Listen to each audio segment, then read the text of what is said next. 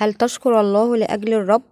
رمية الإصحاح الثالث الآية العاشرة إلى الحادية والثلاثون. كما هو مكتوب أنه ليس بار ولا واحد ليس من يفهم ليس من يطلب الله الجميع زاغوا وفسدوا معا. ليس من يعمل صلاحا ليس ولا واحد. حنجرتهم قبر مفتوح بألسنتهم قد مكروا. ثم الأطلال تحت شفاههم. وفمهم مملوء لعنة ومرارة. أرجلهم سريعة إلى سفك الدم. في طرقهم اغتصاب وسحق وطريق السلام لم يعرفوه. ليس خوف الله قدام عيونهم. ونحن نعلم أن كل ما يقوله الناموس فهو يكلم به الذين في الناموس لكي يستد كل فم ويصير كل العالم تحت قصاص من الله. لأنه بأعمال الناموس كل ذي جسد لا يتبرر أمامه.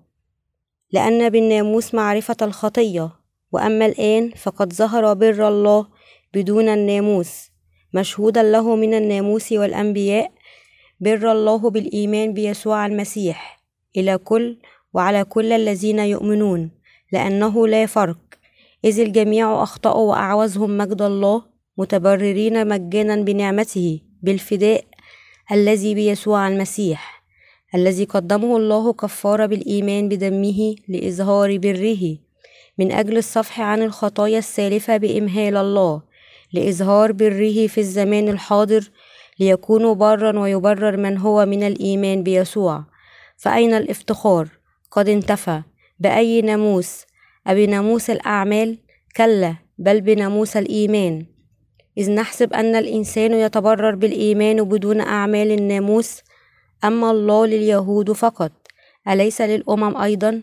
بلى للأمم أيضا لأن الله واحد هو الذي سيبرر الختان بالإيمان والغرلة بالإيمان أفنبطل الناموس بالإيمان؟ حاشا بل نثبت الناموس ليس لدي البشر ما يفتخرون به في الجسد تقول رمية الإصحاح الثالث الآية العاشرة إلى العشرون أنه ليس بارا ولا واحد ليس من يفهم ليس من يطلب الله. الجميع زاغوا وفسدوا معا. ليس من يعمل صلاحا ليس ولا واحد. كلنا مملوءون بالخطايا بسبب الجسد أمام الله. هل يمكن للمرء أن يتبرر مع الجسد؟ هل يمكن أن يكون هناك أجساد صالحة بطبيعتها أمام الله؟ لا يمكن للإنسان أن يصبح برا بالجسد أبدا. لا يمكن للجسد أن يكون برا أبدا. دون أن يتحرر من الخطايا بيسوع المسيح. أولئك الذين تم محو خطاياهم ليس لديهم ما يتباهون به بلحمهم. نحن الذين تمحى خطاياهم أبدا أيضا لا يسعنا إلا أن ننتحي عن جسدنا. نتنحى عن جسدنا وليس لدينا القدرة على فعل الخير. لا يمكننا أن نقول إننا نحيا حياة جيدة إلا عندما نخدم الرب ونقوم بعمل روحي. كما قال يسوع المولود من الجسد جسد هو والمولود من الروح هو روح. يوحنا الإصحاح الثالث الآية السادسة. الجسد يريد فقط أن يشبع شهوته بينما الروح يريد أن يسلك بالروح. لا يمكن للجسد أن يتحول إلى روح. يولد كل البشر خاطئين ويعيشون تحت الخطية ويموتون عبثا ويلقون في النهاية في بحيرة النار في الجحيم. لم يكن لديهم أمل لو لم يرسل الله ابنه الوحيد إلى العالم ليخلصهم من كل خطاياهم. إذا كان أي أمل بالنسبة لنا فهذا فقط لأن الله أعطانا رجاء حقيقيا. لولا الله لما كان لنا بر ولا رجاء. هذا صحيح عندما نحقق في مصير كل فرد بما فيهم أنت وأنا في العالم. على الرغم من أننا مدعوين بأسياد كل الخليقة فقد قدر لنا أن نولد خطاة. بغض النظر عن إرادتنا نعيش عبثا ونذهب إلى الجحيم. كم نحن عابرون. عادة ما نحدد حياة الإنسان سريعة سريعة الزوال مع ذبابة النهار التي ولدت وتعيش طوال حياتها في يوم واحد وتموت وتعود إلى الغبار دون جدوى. لا أمل لنا بدون يسوع. الأشياء الضرورية الوحيدة التي يقوم بها البشر في حياتهم هي أن يولدوا ويأكلوا ويشربوا ويموتوا ويذهبوا إلى الجحيم مهما كانت شهرتهم أو مدى عظمة مآثرهم. نعيش عبثا ونختفي عبثا ومقدر لنا أن ننال الدينونة الأبدية. ومع ذلك أعطانا الله الناموس ليعطينا معرفة الخطية ثم جعلنا برا بنعمته مجانا من خلال مغفرة الخطايا في يسوع المسيح. لقد أرسل ابنه الوحيد يسوع الذي أخذ كل خطايانا وصلب. ليكون كفارة لأولئك الذين يؤمنون بمعمودية ودم يسوع. جعل الله يسوع كفارة لنا وجعلنا أبرارا. فكيف يتبرر الذين عندهم غفران الخطايا؟ هل نحن الذين لنا غفران الخطايا بر الجسد؟ هل لنا جانب نفتخر به أمام الله؟ ليس لدينا ما نفتخر به بالجسد من أجل الرب. نحن نفرح ونشكره لأننا نمتلك مغفرة الخطايا وتأكيد الخلاص والحياة الأبدية. نحن الذين لدينا مغفرة الخطايا لا شيء بدون الله. هل يوجد في جسد الإنسان ما يتباهى به؟ هل الجسد صالحا أصلا؟ هل لدينا أي شيء نفتخر به في سبعون أو ثمانون عاما من حياتنا؟ الإنسان لديه شيء صالح. ليس لديه شيء صالح. ماذا علينا أن نفتخر أمام الله؟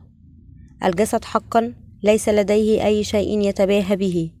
ليس للجسد ما يفتخر به أمام الله ولا حتى بنسبة واحد في المائه الشيء الوحيد الذي يمكن أن نفتخر به هو بر الله.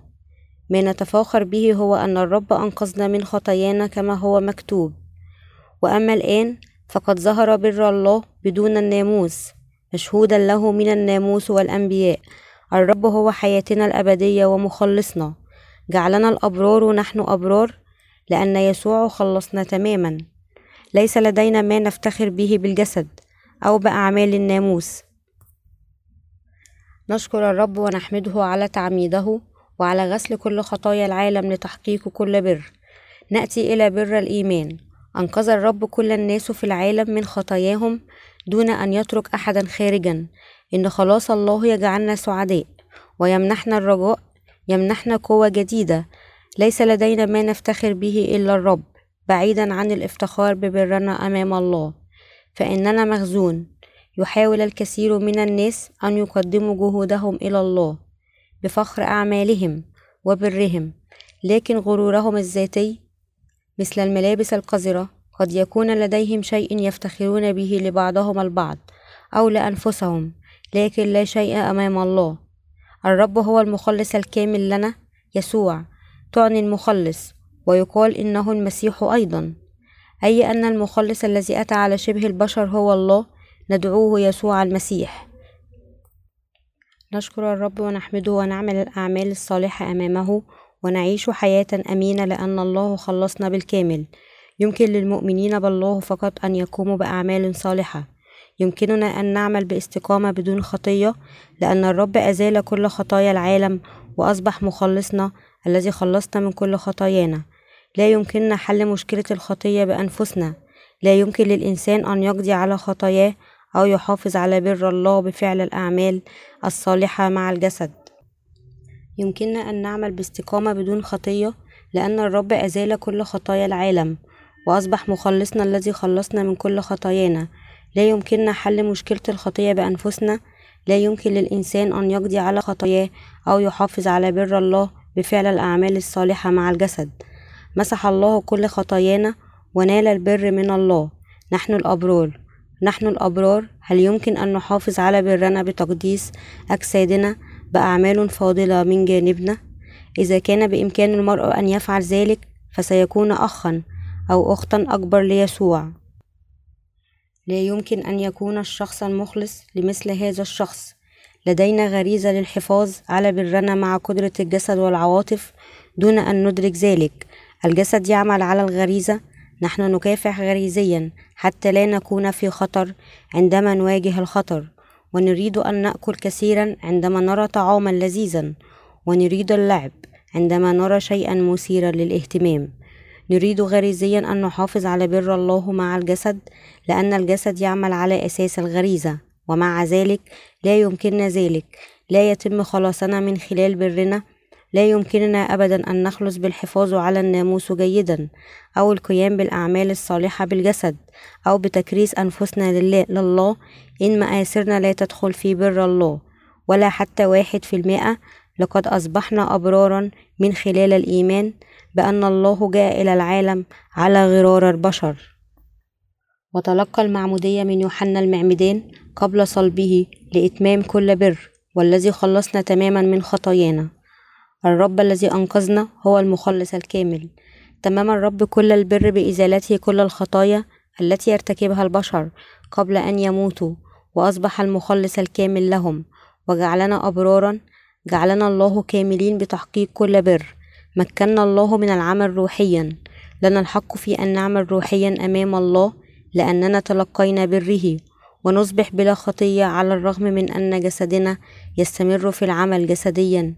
ومع ذلك فإن أولئك الذين لم تمح خطاياهم ومع ذلك لا يمكنهم العمل روحيا إنهم غير مؤهلين للقيام بذلك. نحن مؤهلون لعمل الأشياء الروحية من قبل الله الآن يمكننا أن نفعل أشياء الروح يمكننا أن نقوم بعمل الله الصالح بمعزل عن الأشياء الجسد. كما هو كامل أن الله صار مخلصنا. إن الله الذي خلق كل الأشياء والبشر على حد سواء أعلن لنا رب الخلاص لأنه جاء إلى العالم وتمم كل بر. في علاقته بنا أصبح الله ربنا ومخلصنا الذي خلصنا. سيكون الخلاص ناقصا إذا أنقذنا إذا أنقذنا شخص ضعيف. وليس لديه القدرة سيكون هناك احتمال الفشل في وقت ما. على العكس من ذلك فإن الذي خلصنا ليس مثل هذا الشخص. إنه الله الخالق الذي خلق كل الأشياء. يقول يوحنا الإصحاح الأول الآية الثالثة كل شيء به كان وبغيره لم يكن شيئا مما كان. من هو يسوع؟ المنقذ. من هو المخلص؟ إنه الله الخالق. خلصنا الله تماما؟ خلاصنا كامل لأنه خلصنا يستمر إلى الأبد. لكن خلاصنا سيكون باطلا إذا لم يكن هو كامل إذا لم يكن هو الخالق. بل كان شخصا من بين المخلوقات لن يدوم طويلا وبره مثل خرق قذرة. إذا كان المرء يرتدي ملابس جلدية مثالية فلن يتم تهالكها أبدا حتى لو لعب المرء كرة القدم أو ينزلق على مزلقة. ولكن إذا لم تكن ملابسهم مثالية فسوف تتآكل في الحال الرب الذي خلصنا من خطايانا ليس ناقصا. الرب الذي خلصنا هو الله الكامل.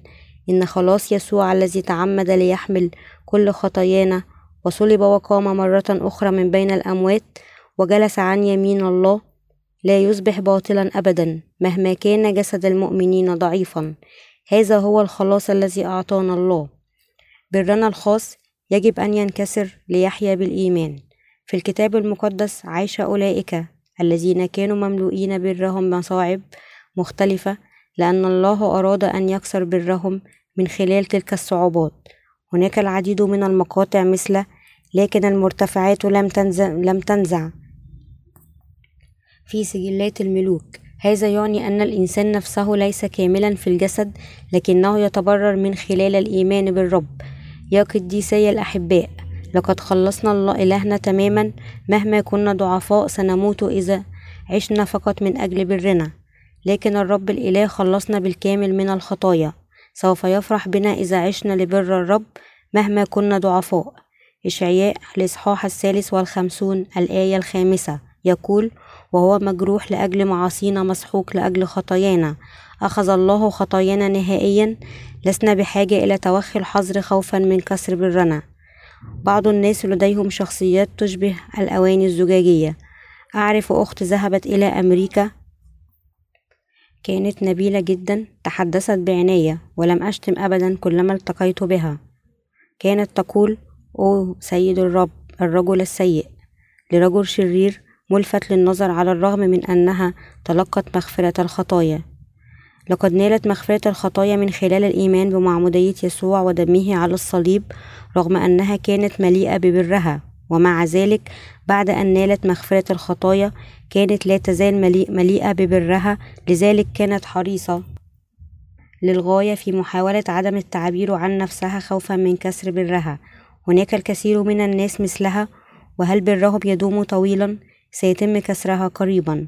هل في جسدك نقاط ضعف مع أنك خلصت؟ نعم. هل تعيش حياة جيدة تماما؟ يمكننا أن نحيا بشكل مثالي بعد مغفرة الخطايا فقط.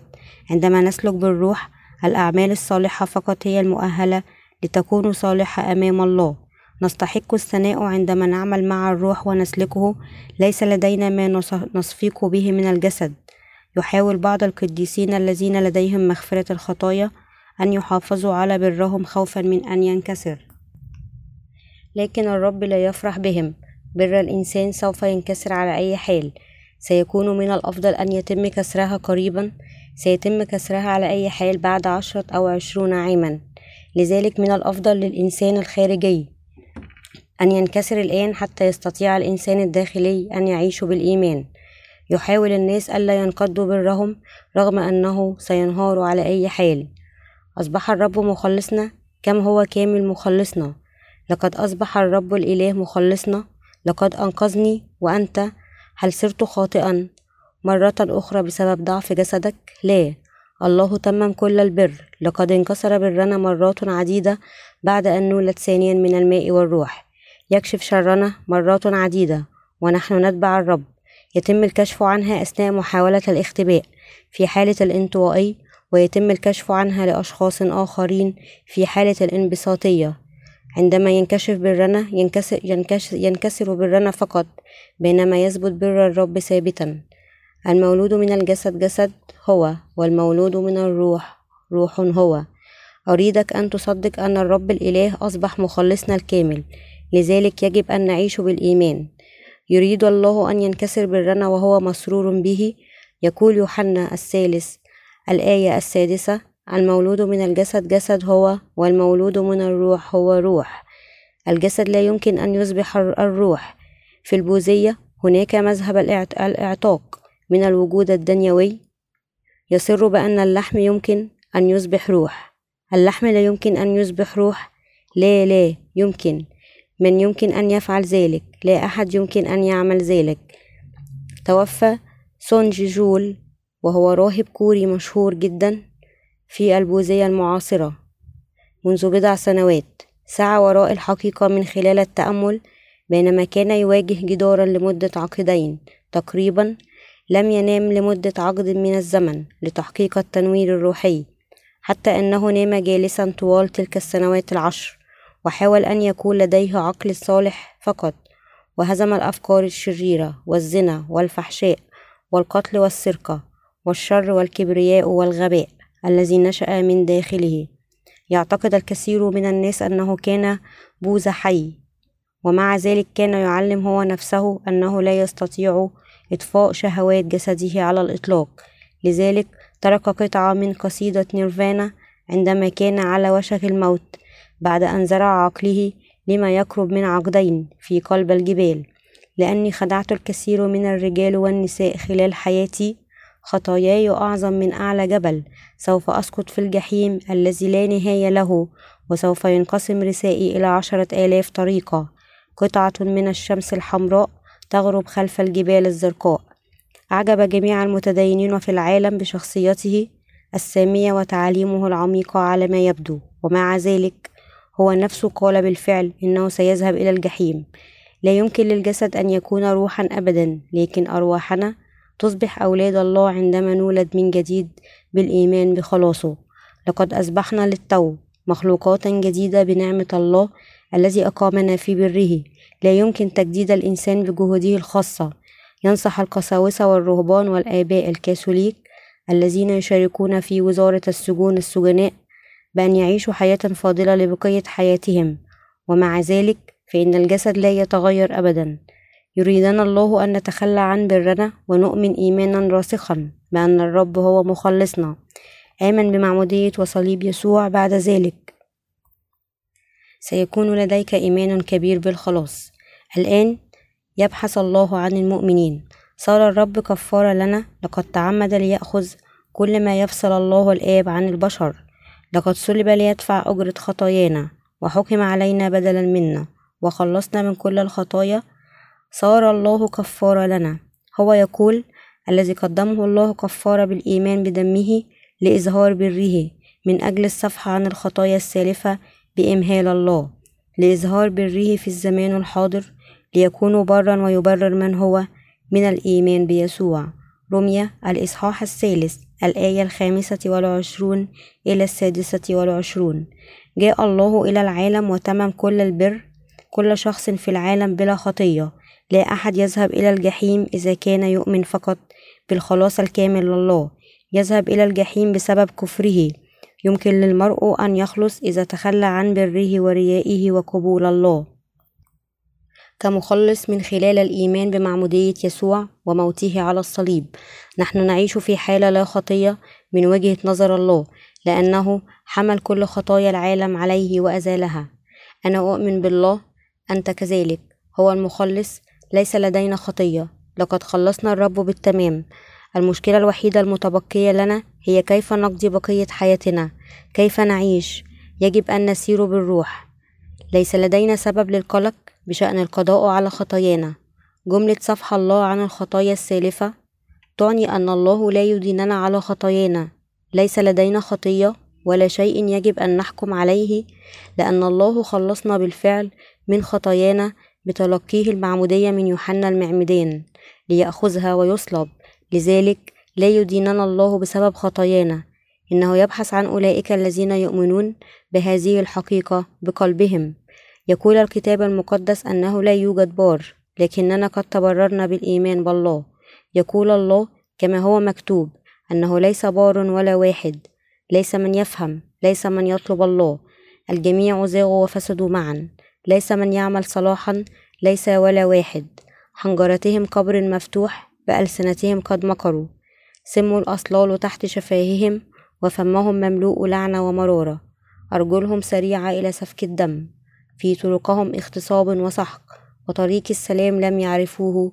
ليس خوف الله قدام عيونهم. رمي الإصحاح الثالث الآية العاشرة إلى الثامنة عشر. جاء الله إلى العالم وأزال كل خطايا الذين يفعلون كل نوع من الشرور وهم يعيشون في هذا العالم وليس لهم بر وأصبحوا غير مربحين في نهر الأردن. هل تصدقه؟ الآن يبحث الله عن أناس يؤمنون أنه خلصهم من كل خطاياهم. عين الرب على الأبرار يشجعنا الأبرار إنه يعتني بنا هو دائما معنا ويبكينا ويعمل معنا. لقد ائتمنا الله على الأعمال الصالحة. سيحزن يسوع أكثر مما نحزن إذا حزننا على شرور أجسادنا. لماذا تحزن على خطاياك وأنا قد خلصتك بالفعل من كل خطاياك؟ ما يجب علينا فعله الآن هو الإيمان بالله والسير بالروح والكرازة بالإنجيل لحصد النفوس. هذه هي الأشياء التي يتعين علينا القيام بها. هل تصدق هذا؟ لا تتباهى بصلاحك أو تحاول إثباته أيضا. بمقارنة صلاحك ببر الآخرين للتباهي به لا تقذف على من لا يصلح نفسه. لا يصلح نفسه في الواقع لا يوجد إنسان صالح بطبيعته. نعطي شكرا إلى الرب الذي أنقذنا خلال معموديته والصليب. ليس لدينا ما نفتخر به أمام الله إلا حبه الذي خلصنا تماما. كل ما علينا فعله هو أن نفتخر بخلاص الله. ونسبحه ونمجده ونكرس بإنجيل الماء والروح. لا داعي للقلق بشأن الخطية والذهاب إلى الجحيم. إذا لا شيء من الدينونة الآن على الذين هم في المسيح يسوع. رمي الإصحاح الثامن الآية الأولى. أبدا هل تراه؟ يذهب المرء إلى الجحيم إذا لم يتحد مع حقيقة أن الرب أنقذه بعمله الصالح. ومع ذلك لا داعي للقلق بشأن الذهاب إلى الجحيم إذا كان يعتقد ذلك. خلصنا الرب من كل الخطايا بمعمودية ودم يسوع كم نحن شاكرين. إذا نحسب أن الإنسان يتبرر بالإيمان بدون أعمال الناموس. أما الله لليهود فقط؟ أليس للأمم أيضا؟ بلى للأمم أيضا. رمي الإصحاح الثالث الآية الثامنة والعشرون إلى التاسعة والعشرون. ليس الله إله اليهود فحسب بل إله الأمم أيضا. هو الله لكل بني البشر. الرب الله خلصنا من خطايانا. من أجل القيام بذلك جاء إلى العالم وتعمد ليحمل كل خطايانا وصلب ليدان على كل الخطايا. لذلك صار الله مخلص كل بني البشر. هذا هو استنتاج رمي الفصل الثالث. هذا ما آمن به بولس الرسول. نحن نؤمن بهذا أيضا. لا يتحدث بولس الرسول عن ضعف الجسد فحسب بل يتحدث أيضا عن بر الله بعيدا عن الناموس. لا يمكن أن تخلصنا أعمال الناموس. بماذا يمكن تسليمنا؟ بالإيمان بخلاص الله. لقد صار الرب الإله كفارة لنا وتجاوز الخطايا التي ارتكبت في السابق. لذلك سيحاسب غير المؤمنين على خطية كونهم ضد الروح القدس. إنه لا يدين الخطايا التي ارتكبها ضعف الجسد لأنه لا يوجد خطية في العالم. لذلك يجب أن نؤمن بالرب الإله. لا يوجد دينونة أو دينونة للمؤمنين. الله هو إله المؤمنين. لذلك يجب أن نقضي بقية حياتنا بالسير بالروح. يمكننا دائما أن نفعل أشياء الروح لأن كل خطايانا قد غفرت بالفعل. على الرغم من أن جسدنا يريد أن يعيش بشهوة إن الرب الإله هو إله اليهود والأمم وهو أيضا إله المؤمنين وغير المؤمنين. هذا يعني أن الله يريد أن يخلص كل البشر من كل خطاياهم. يمكنه أن يصبح مخلص غير المؤمنين؟ لقد أصبح بالفعل إله المؤمنين. أشكر الرب الإله من أعماق قلبي كم كنت سأكون بائسة لو لم يكن الرب الإله لو لم يأتي إلى هذا العالم مثل الجسد البشري لو لم يكن قد اعتمد في نهر الأردن ليأخذ كل خطايانا. إذا لم يصبح مخلصنا الكامل فسنكون خطاة مرة أخرى بعد تلقي مغفرة الخطايا لأننا ضعفاء حتى يوم موتنا. أشكر الرب الإله.